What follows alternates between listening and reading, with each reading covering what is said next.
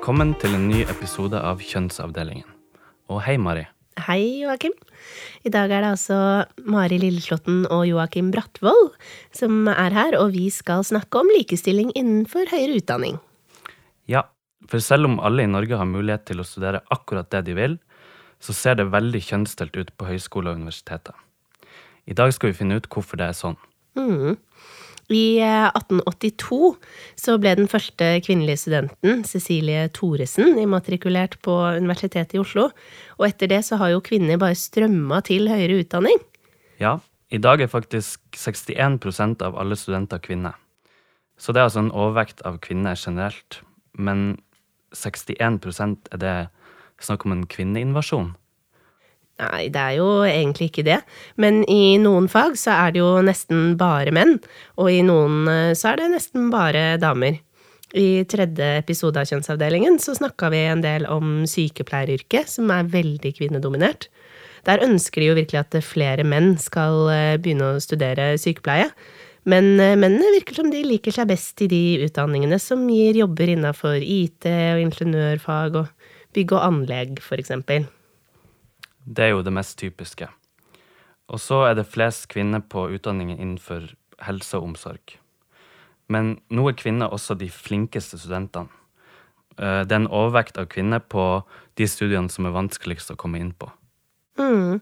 Altså fag som juss og medisin og psykologi, som tidligere har vært typiske mannefag. Vi er interessert i å finne årsaken til denne utviklinga, og finne ut av hva egentlig kjønnsbalanse og mangfold betyr. Mm. Så i dag så har vi invitert Reidar Jessen, som er ganske nyutdanna psykolog. Han var en av få menn på sitt kull, og nå er han ute i arbeidslivet og også aktiv i Psykologenes nettverk for seksualitets- og kjønnsmangfold. Vi skal høre litt eh, med han hva slags tanker psykologene gjør seg om kjønnsbalansen på sitt eget studie og innafor yrket. Og så kommer Lisa Reisel, som er sosiolog og forskningsleder for en forskningsgruppe som jobber med spørsmål om likestilling, integrering og migrasjon på Institutt for samfunnsforskning. Hun har forska mye på kjønnsforskjeller i arbeid og utdanning, og kan forklare oss årsaken til kjønnsbalansen, eller kjønnsubalansen, som vi ser i dag. Mm. Men er det sånn at eh, kjønnsbalanse er det aller beste? Hvorfor skal vi egentlig ha kjønnsbalanse? Det må vi jo spørre gjesten om. Ja. Du hører på Kjønnsavdelingen.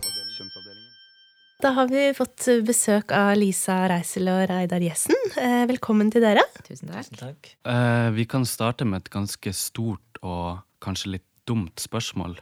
Eh, bør det være kjønnsbalanse i høyere utdanning? Eh, I mange tilfeller så vil det være uheldig med veldig skjev fordeling på enkeltfag. Men det betyr ikke at alt må være likt hele tiden. Så spørsmålet er vel egentlig om man ser på skjevheter i kjønnsfordelingen eh, som et symptom på en eller annen form for urettferdighet. Eh, enten om det er snakk om ulik tilgang pga. stereotypier eller fordommer, eller eh, om det dreier seg om skjevheter i utdanningssystemet som gjør at det ene kjønnet klarer kravene, mens det andre kjønnet ikke gjør det. Mm. Hva tenker du om det? Ja, vil jeg si sånn, sånn, det er viktig med kjønnsbalanse. Om det skal være liksom 50-50, eh, det er jeg mer usikker på. Og hvor grensa skal gå, det er jeg også usikker på. Vet du noe om hvordan type mekanisme som skaper den skjevheten i utdanningsvalg? Altså, det er jo selvfølgelig Som sosiolog så må jeg nesten begynne med å si at det er veldig sammensatt. Men, eh, og det kunne man kanskje sagt som psykolog også. Men eh, for det første så er det eh, en del mønstre som er historiske. Og som kommer fra en annen tid, og som har delvis endret seg, men også delvis vedvarer i dagens samfunn. Så det er på en måte én bit av det. Og så er det det at når gutter og jenter vokser opp, Eh, så utvikler de en identitet der kjønn er en del av hvordan de forstår seg selv i verden. Når de ser rundt seg og på en måte danner et bilde av hvordan samfunnet rundt dem fungerer, så ser de også en del kjønnsdeling rundt seg i samfunnet, inkludert i voksenroller og arbeidslivet og det de ser av hva slags type oppgaver ulike voksne gjør.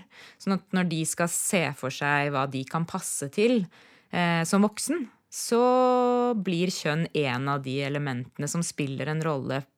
Og da spiller kjønn særlig en rolle for de tingene de velger bort, tyder forskningen på. Sånn at eh, de ender opp med noen alternativer som allerede som er ting de kunne tenke seg, men som allerede er avgrenset av kjønn, da. Veldig fint å ha både en sosiolog og en psykolog her. Skal vi få svar på alt vi lurer på?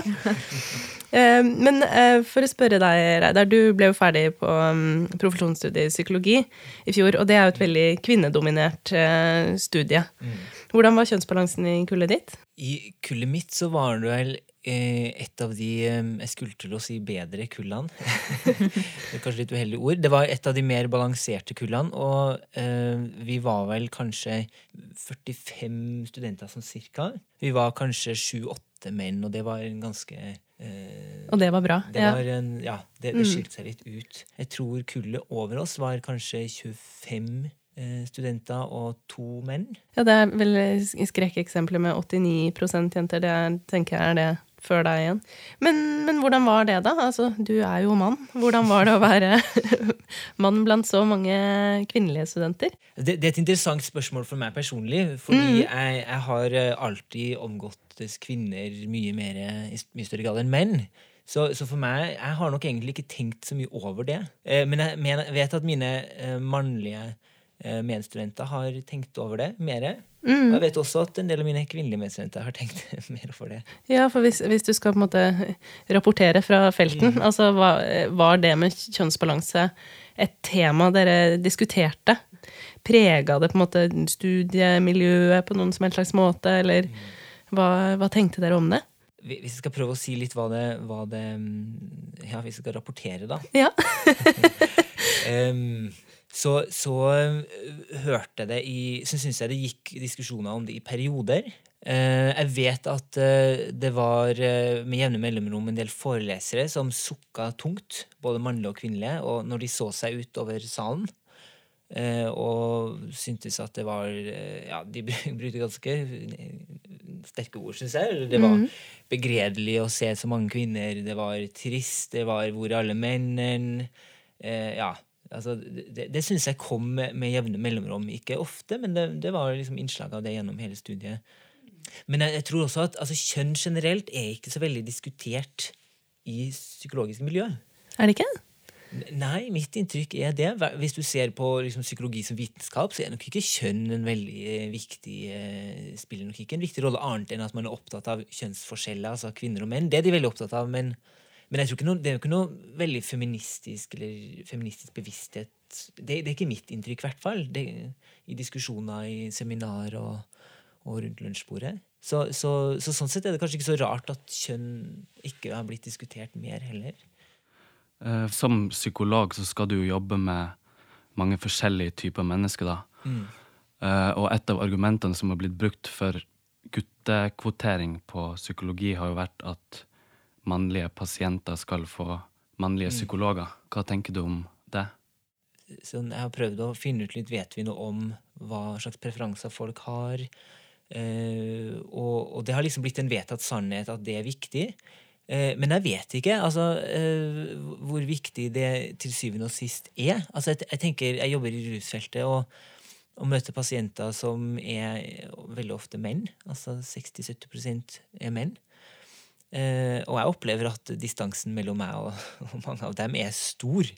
Og den tror jeg hadde vært like stor om jeg hadde vært kvinne. For det, for det handler om utdanning, og det handler om væremåte. Og, altså, jeg vet ikke om de føler seg me, mindre fremmedgjort av, å, av, at jeg er mann. Og, og, hvis jeg skal være litt sånn personlig, da, så, så tenker jeg jo at det går også litt over på hvor, hvorfor jeg synes det mangler en del i denne diskusjonen om hvorfor skal vi ha kjønnsbalanse. Det er jo, eh, jeg har jo fått høre kommentarer om at ja, det er bra du, du er mann, denne pasienten er også en mann og trenger en mannlig psykolog. Men jeg kan jo sitte og kjenne noen gang på i møte med mannlige pasienter som er veldig macho, de kommer fra kriminelle miljø, de har sittet ofte i fengsel altså kommer fra, har en belasta bakgrunn at eh, jeg lurer jo på om de syns det er litt fremmed å sitte med meg, og kanskje tenker de at jeg er skeiv, homo eh, Kanskje Altså, de gjør seg sikkert noen antakelser om kjønn, tenker jeg da. Eh, som må være fremmedgjørende, for vi ser forskjellig ut. Vi, vi, vi har forskjellige fakta, vi snakker forskjellig vi, Det er så mange forskjeller på oss, da, som jeg tenker vi må overkomme uansett. Så, så jeg, jeg er usikker på det. Jeg vil ikke si nei, det betyr ikke noe, men det, av erfaring, så, eller det jeg vet, er jo at noen de få gangene jeg har opplevd at det er snakk om dette her, at hva slags kjønn pasient, nei, terapeuten har, da er det eh, kvinnelige pasienter med tra en traumebakgrunn, eh, erfaring med seksuelle overgrep begått av eh, menn. da. For de skal ikke psykologer i teorien kunne snakke med alle, Jo, uavhengig av kjønn og Jo, og vi snakker jo mange, og vi har mange, med, vi har mange pasienter med minoritetsbakgrunn. Eh, selv har jeg vært opptatt av hvordan eh, skeive pasienter, LHBT-befolkninga, lesbiske, homofile, bifile, transpersoner, intersex, altså ikke-binære, alle hvordan, hvordan skal de bli møtt? Vi skal møte mange, så ikke bare menn, på et vis. Vi var inne på det med utdanningsvalg. Eh, vi har jo et veldig kjønnsdelt arbeidsliv. Eh, det vi kjenner til, er at kvinner jobber i det offentlige, men i det private.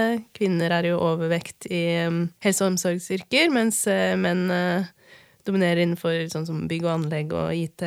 Men så er det nå også sånn at på de utdanningene som gir gode, gode jobber med høy lønn, så er det også mange kvinner. Sånn som psykologi, eh, som vi snakker om, og innenfor medisin og juss, eksempel. Lisa, du som eh, forsker på dette, hvorfor, mm. hvorfor ser det sånn ut? Altså, jeg har lyst til å starte med å si at det også er mange utdanninger og yrker som er kjønnsjevne, eller mm. relativt kjønnsjevne. Eh, Så det er ikke sånn at Og det vet man jo på en måte ved å se rundt seg også, at det er ikke sånn at menn og kvinner på en måte jobber helt atskilt i arbeidslivet. Men det er jo, som du sier, en del yrker som eh, er relativt enkjønnede.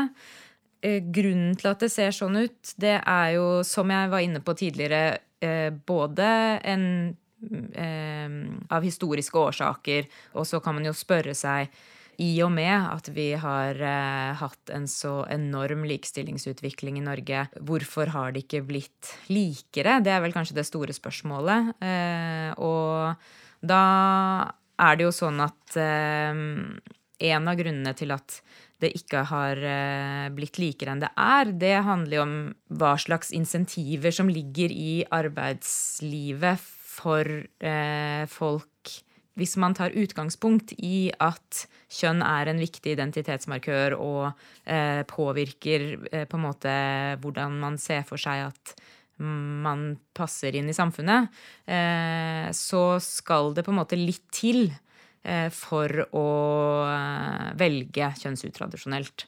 Og sånn som utviklingen har gått eh, i Norge og veldig mange andre steder i verden, så er det sånn at i og med at mannsdominerte eller tidligere mannsdominerte yrker har hatt mye høyere lønn og mye høyere status enn kvinnedominerte yrker, så har det vært eh, et, Det har fungert som et insentiv for kvinner som har kommet inn i utdanningssystemet og hatt muligheten eh, til å velge seg den typen eh, statusyrker.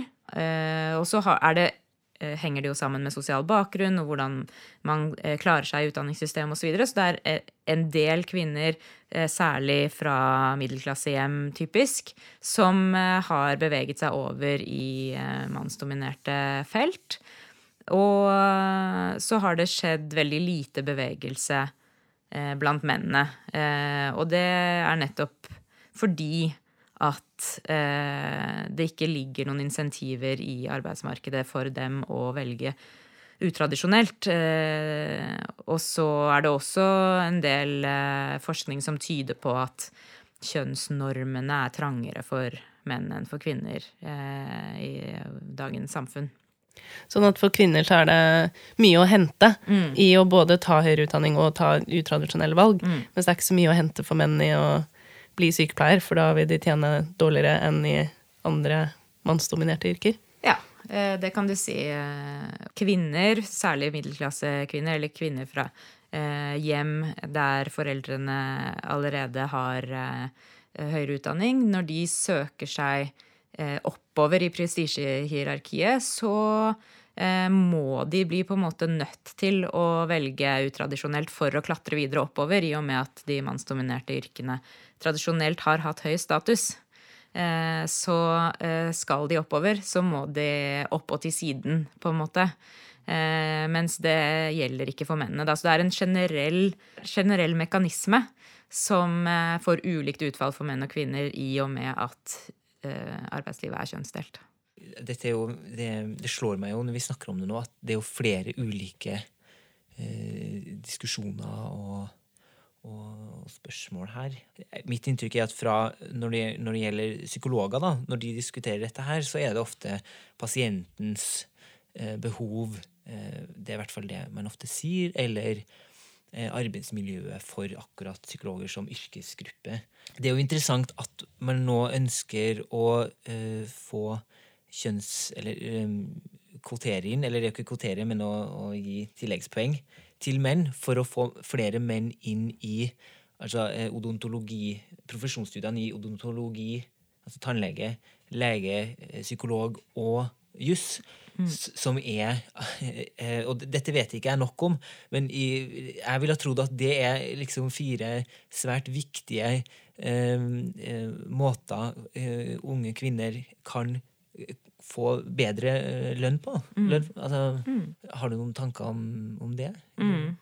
Selv om eh, kvinner nå er i majoritet på de profesjonsstudiene du nevner, så er det allikevel en eh, liten del av arbeidsmarkedet sammenlignet med f.eks. de kvinnene som jobber innenfor helse og omsorg eh, ellers i eh, og for så vidt innen utdanning, barnehagelærere og, og, grunnskolelærere. Det er der utfordringene ligger eh, når det gjelder den delen av lønnsgapet som skyldes eh, kjønnsdeling i arbeidsmarkedet. Mm. Eh, og så er det en del av, kjønns, av lønnsgapet som, eh, som, ikke kan forklares av at menn og kvinner jobber ulike steder. Mm. Eh, men, eh, men det er en annen sak. Men det er jo eh, noen som frykter at eh, når kvinnene kommer inn, så mm. går eh, statusen ned. Mm. Kan det være en forklaring? For man må passe på at det er noen menn der. Mm. At uh, man unngår at uh, nå, kan vi, uh, nå kan vi stoppe lønnsveksten. Mm. Fordi det er jo bare damer uansett. Ja, det har jo eh, skjedd historisk i noen typer yrker, men akkurat i de høystatus prestisjefagene så ser det ikke ut til at den utviklingen eh, eh, materialiserer seg sånn helt ennå. Men det skjer jo en eh, gjerne en intern eh, deling hvor f.eks. innen medisin så er fremdeles kirurgien en eh, veldig prestisjefylt, mannsdominert eh, del av medisinfaget.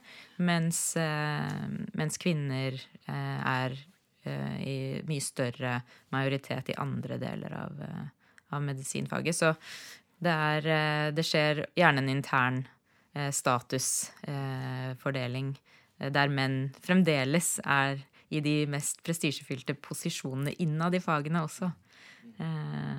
Og gjerne også i større grad i lederstillinger. Bare, det er jo bare en interessant liksom, For psykologstanden så har det jo vært motsatt. Altså I takt med flere kvinner så, så har, har psykologyrket i hvert fall i Norge, fått altså, en, en mye høyere status enn for 40 år siden. Er mm. bare, der er det en annen mm. situasjon enn for, for mm. eh, leger og mm. tannleger. Mm. Eh. Ja, da, og Det føyer seg jo inn i den diskusjonen om kausalitet i mm. akkurat det utviklingsmønsteret. Om eh, hva som fører til hva eh, når det gjelder status og, og feminisering.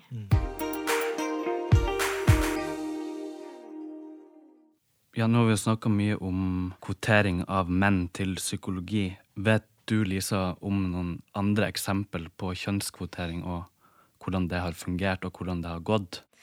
Det som har vært uh, muligheten for uh, såkalte tilleggspoeng i uh, Norge, har jo vært på en del ingeniørutdanninger og blant annet maritime utdanninger og landbruksutdanninger og noen Eh, IT-masterutdanning på UiO og litt forskjellig.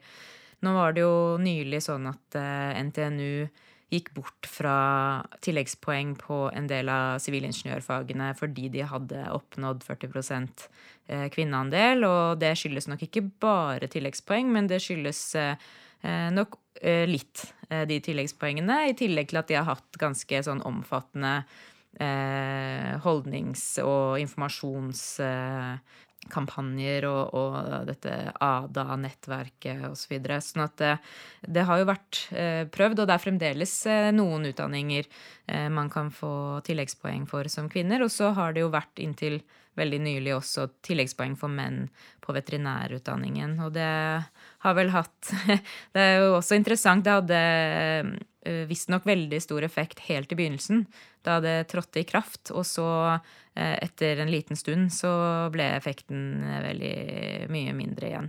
Sånn at eh, eh, Altså, man må jo ha noen søkere for å kunne benytte seg av dette og få en effekt. Og så har det jo vært diskutert, eh, som du har vært inne på, eh, Reidar, om eh, tilleggspoeng ved disse helseprofesjonene i, på UiO.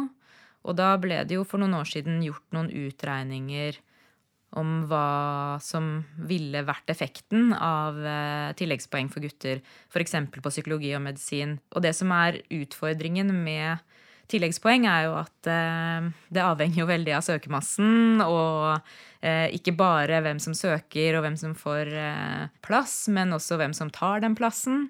Sånn at de beregningene blir jo litt usikre, men det var i hvert fall noen av de beregningene som tydet på at man kunne komme opp i en eh, prosentandel menn på rundt 70 med bruk av tilleggspoeng. Og da blir det jo litt vanskelig igjen, da, hvis det plutselig bikker helt over. Eh, og det blir litt uhåndterlig. Eh, sånn at eh, Og det som også var påfallende i den utregningen, var jo at i hvert fall en del av årene så var det jo veldig mange av de guttene som faktisk fikk plass, som ikke tok plassen. Mm. Mm. Eh, og det er også en interessant på en måte, del av denne historien om gutters eh, underrepresentasjon på psykologi. Hvorfor begynner ikke alle de som får den plassen? Det betyr jo sannsynligvis at det ikke er førstevalget for dem, og at de har kommet inn på noe som de tenker er enda bedre. Eh, og, og, hvorfor er det da sånn? Og er det kanskje derfor eh, viktigere med andre typer tiltak enn tilleggspoeng? Tallene for medisin tydet jo også på at det, det var ikke så mange søkere som man gjerne skulle ønske seg. Eh, så det er ikke det at det er på en måte en hærskare av mannlige søkere som ikke kommer inn. Det er eh, rett og slett ikke så mange menn som søker seg til medisinutdanningen. Mm.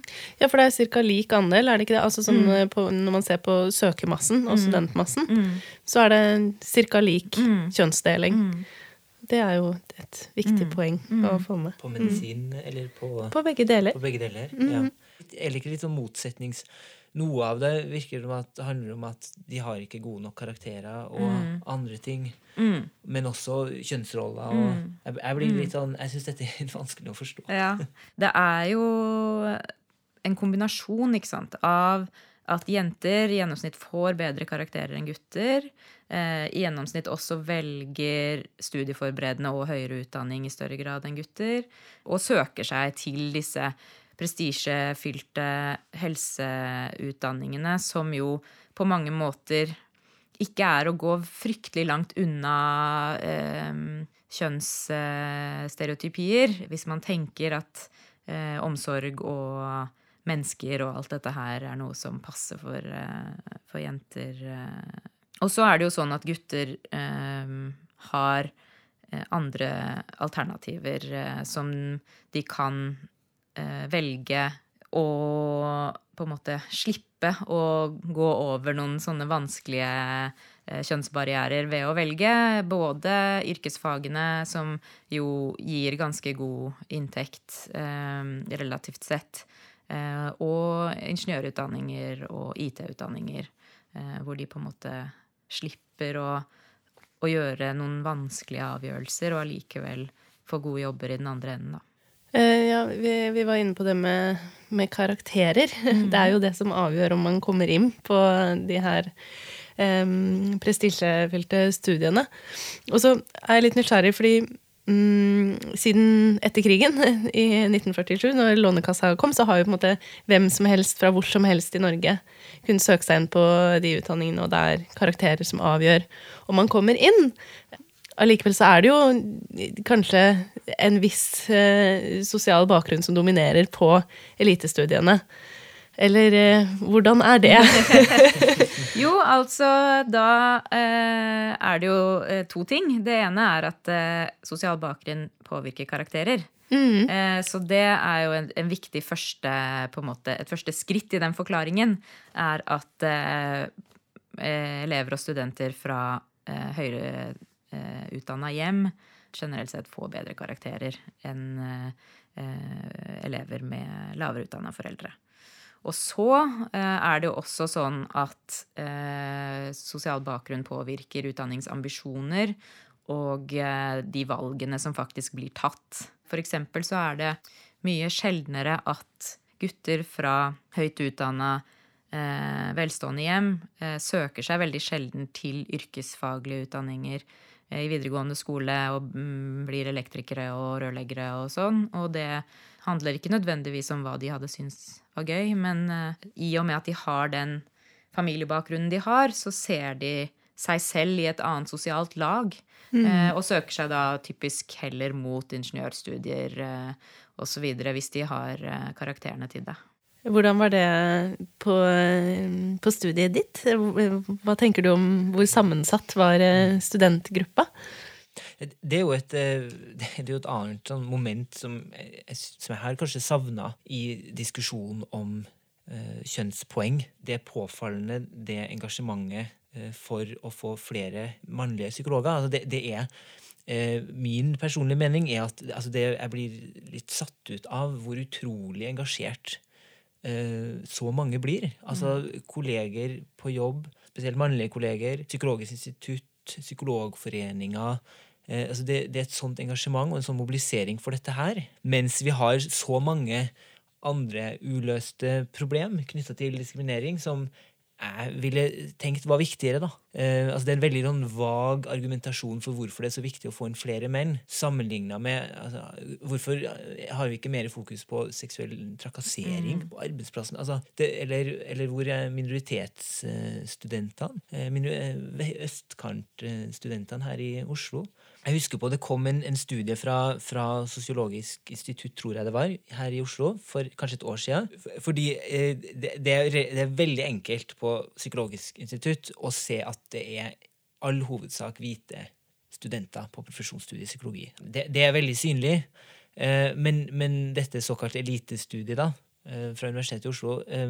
De, de studerte hvert fall har sett på hvor kommer dagens studenter fra. Hva gjorde deres foreldre? Og konklusjonen var i hvert fall at det er en tydelig utvikling der stadig flere av de nye studentene i disse fem eh, såkalte eliteutdanningene da, har én eller begge foreldre som kommer fra en annen av de to, en annen av de fem elitestudiene. Så du, det, det, her er det en, en ulikhet som skapes akkurat nå. Det bekrefta uh, en, en uh, antakelse uh, jeg og, og, mange medstudenter har hatt, om at psykologi er veldig klassedominert. Altså det er dominert av, av studenter med foreldre som er veldig mange med foreldre som er leger eller sivilingeniører eller Eh, jurister. altså Det er påfallende, og det er veldig få fra østkanten. Sånn at det er et, det er et studie, altså Profesjonsstudiet psykologi har et mangfoldsproblem. Eh, og jeg syns en fare med denne, eh, det her enorme fokuset på, på å få inn menn, er at hva, det, det snevrer inn mangfoldet, mangfoldsforståelsen. Vi, vi har et stort mangfoldsproblem blant psykologer. Uh, og, og, er redd for at den enorme oppmerksomheten rundt det er med på å, å, å reprodusere maktforskjeller. Altså at minoritetshensyn eh, er mindre viktig, og den, den ser ikke klassebakgrunnen, f.eks. Men man kan jo si at det er bedre å ha kjønnsbalanse selv om det er bare middelklassemenn mm. det er snakk om, enn å ikke ha det. Absolutt. Eller er du uenig i det? Nei, jo, altså Det, det her det blir litt uh, komplisert, for, for det er så umulig å si at det er umulig å være mot denne, eh, dette engasjementet, fordi det er jo til en god sak. Men jeg bare legger merke til, og jeg konstaterer at det er ikke noe engasjement for å få flere eh, psykologer med minoritetsbakgrunn. Altså, jeg, bare, det er, jeg hører aldri noe om det. Altså, det er jo eh, Kjønn er eh, lett. Eh, det er eh, to kategorier, eh, sånn som det i hvert fall eh, behandles i eh, denne debatten om balanse.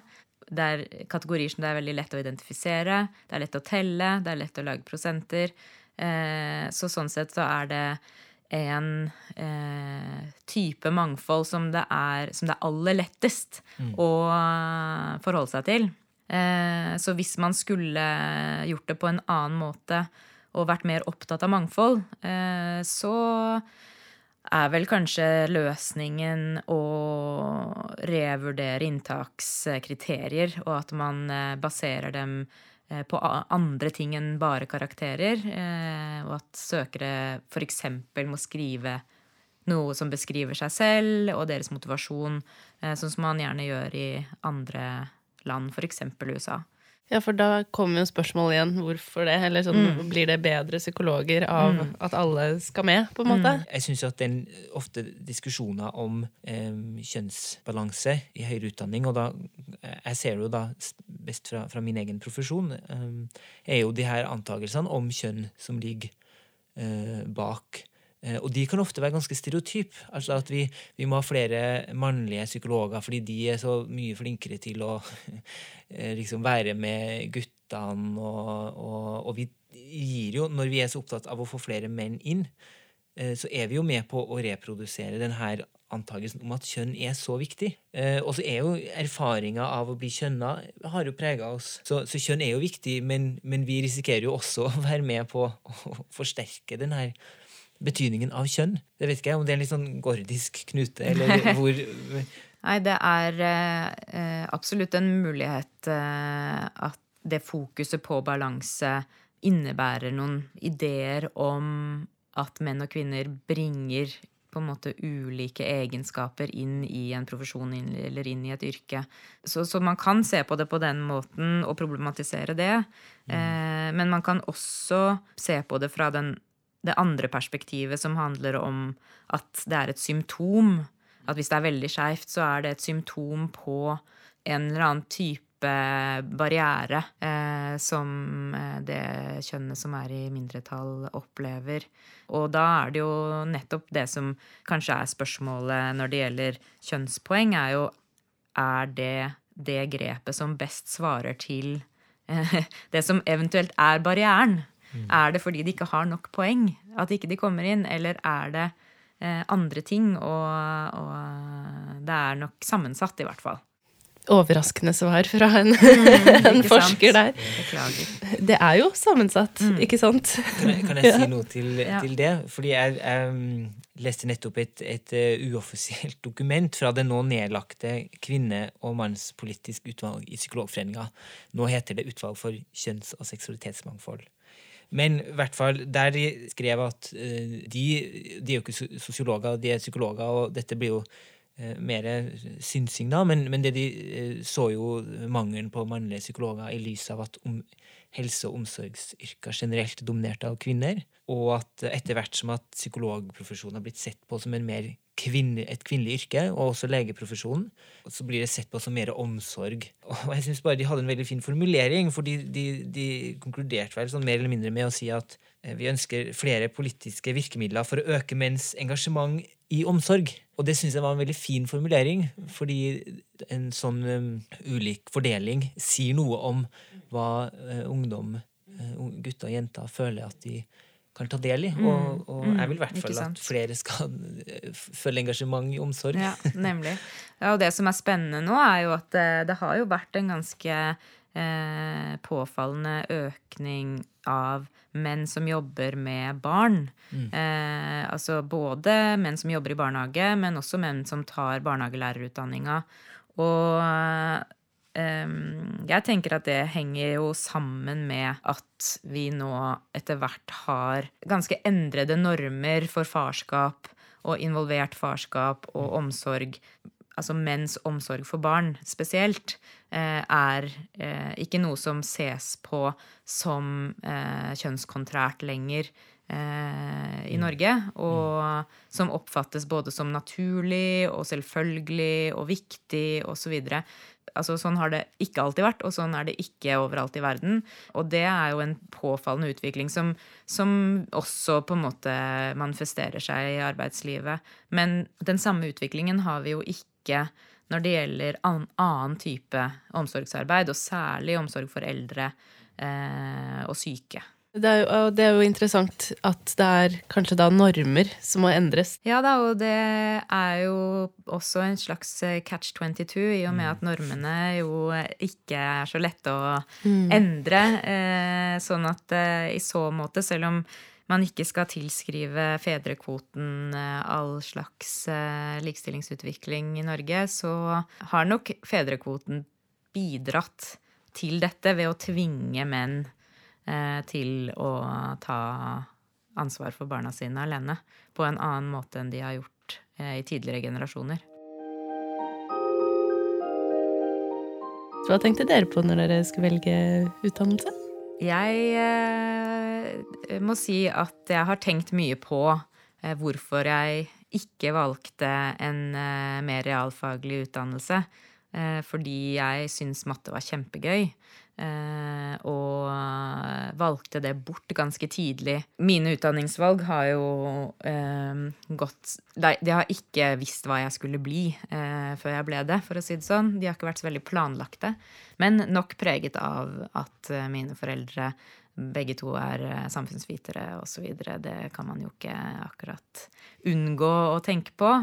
Men, det frem. men jeg skulle gjerne hatt mye mer veiledning Eh, jeg skulle gjerne hatt noen som hadde samtalet med meg ordentlig om ulike muligheter i arbeidsmarkedet, hva ulike typer jobber innebærer, hva man kan gjøre med eh, realfaglige utdanninger osv. Det var fryktelig lite snakk om det da jeg gikk på skolen. Eh, så det har jeg tenkt på i ettertid at det egentlig var litt synd. Selv om jeg trives som sosiolog nå. Men jeg tror jeg kunne trivdes veldig godt i andre typer yrker også. Mm. Du får jo telle litt som Ja, det er det. ikke sant? Jeg driver jo nemlig akkurat med det. Jeg driver med veldig mye tall, og det koser jeg meg med. Hva med deg, Reidar? Ja, det syns jeg var et fryktelig vanskelig spørsmål å stille spesielt en psykolog, da. um, det er jo litt, egentlig litt morsomt, for min, min mor er jo sivilingeniør. Så der er det jo litt, så hun valgte jo ganske utradisjonelt på 80-tallet. Som en av svært få kvinner ja. mm -hmm. på NTH den gangen. Um, jeg kunne nok like gjerne ha studert sosiologi eller eh, statsvitenskap eller antropologi. Ble, men ble nok eh, Jeg ble ganske Hvis jeg skal være ærlig med meg sjøl, så spilte nok faktisk eh, mamma en, en, sterk rolle i den forstand at hun var opptatt av at det var viktig med et, et solid profesjonsstudium når jeg var litt usikker på hva jeg skulle velge. og da syntes hun at når jeg kom inn på psykologi, så var det naturlig. Og jeg hadde jo tenkt på psykologi før, men jeg tenker jo at her er det både interesse, men også en, uh, noen mekanismer som handler om foreldre og taktiske mm. valg og, og, nysgjerrighet på mennesker. Ja, nå, jeg ble veldig frista til å bare si, si, i og med at du snakker om moren din, mm. så er det jo litt morsomt at min mor er psykolog. Og hun valgte veldig kjønnsutradisjonelt da mm. hun begynte på psykologi på slutten av 60-tallet. Mm. mm. For da var det nesten bare menn som var psykologer. Så det er jo eh, på en måte ja. Her ser vi elitereproduksjon ja, ikke sant? Det er på det jo. sitt beste. Det er det. Mm. Men jeg syns det er interessant det du sier med at, at, psykolog var et Det var veldig utradisjonelt å være kvinnelig psykolog mm. da. Og, mm. og, det Jeg syns jo det vi, vi burde fokusere mer på i denne debatten de antakelsene om kjønn, og hvordan vi liksom tenker at det her er hogga i stein. Mm. Fordi jeg tror mange nå tenker at psykolog det er liksom psykolog og lege det er så kvinnedominert, eller det er så kvinnelig. Mm. Eh, og det er det ikke. Nei. Det har ikke vært det. Og psykologyrket har vel heller ikke vært så omsorgsbasert, basert, men mer, det, det, har vært et mer akademisk eh, studie. Um, så, så, det, så det, jeg tenker at vi men, vi men, nå tror vi liksom at dette er hogga i stein, da. Og det, mm. og det, er det ikke. Det er antakelser om hva som er feminint og maskulint. Og, uh, og det er veldig interessant. Mm. Mm. Ja, nå har vi i hvert fall snakka oss gjennom en del spørsmål om kjønn. Så tusen takk for at dere kom, Reidar og Lisa. Takk for meg. Takk for meg. Du hører på Kjønnsavdelingen. Ja, da vet vi litt mer om kjønnsforskjeller i høyere utdanning. Ja, selv om vi ikke akkurat fant løsninger på hvordan vi skal oppnå kjønnsbalanse, da. Nei, men vi kan jo ikke svare på alt her heller. Men grunnen til at vi har snakket om utdanning i dag, er jo at det er en, eh, et område for, eh, hvor det finnes likestillingsutfordringer. Og det er et av temaene på en liste over eh, store likestillingsutfordringer fra Beijing-plattformen. Og hvis du lurer på hva det er, så kan du finne nettsiden til kjønnsavdelingen inne på kjønnsforskning.no, og lete frem til den første bonusepisoden. Der kan du lære litt mer om Beijing-plattformen, og sjekke ut resten av temaene vi tar for oss her i kjønnsavdelingen. Hmm. Og hvis du er eh, opptatt av spørsmål om likestilling og mangfold eh, i høyere utdanning og innenfor akademia, så anbefaler vi at du følger med på nettstedet kifinfo.no. Der eh, kan du finne ressurser av typen statistikk, rapporter, forslag til tiltak osv., men også nyhetssaker. F.eks. om tema som kjønnspoeng på psykologi, og andre tiltak for å få en jevnere kjønnsbalanse i akademia. Og podkasten du nettopp har hørt på, den er produsert av kilden kjønnsforskning.no ved hjelp av Ology Studio. Du har hørt Mari Lilleslåtten og Joakim Brattvold. Og så må du huske å abonnere på Kjønnsavdelingen i podkastappen din, sånn at du får neste episode med en gang den kommer. Og du må også gjerne følge oss på Instagram og Facebook, så kan du se bilder av gjestene vi har her, og vi lenker til noe lesestoff som vi tror kan interessere deg. Da sier vi takk for oss og er tilbake med en ny episode neste uke. Da skal det handle om krig.